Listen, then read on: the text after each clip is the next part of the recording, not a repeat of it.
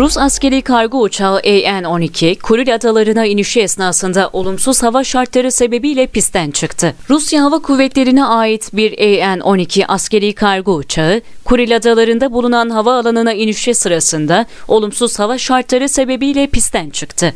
Yerel kaynaklardan edinilen bilgilere göre bu sabah Rusya'nın Haberovsk bölgesinde havalanan AN-12 askeri kargo uçağı Kuril Adalarına inişi esnasında yoğun kar fırtınası sebebiyle pistten çıktı. Olay sonrası ölen ya da yaralanan olmazken yetkililer uçakta meydana gelen hasarla ilgili bilgi vermekten kaçındı. İkinci Dünya Savaşı'ndan bu yana Kuril Adalarının egemenliği konusunda Rusya ve Japonya arasında anlaşmazlık sürüyor.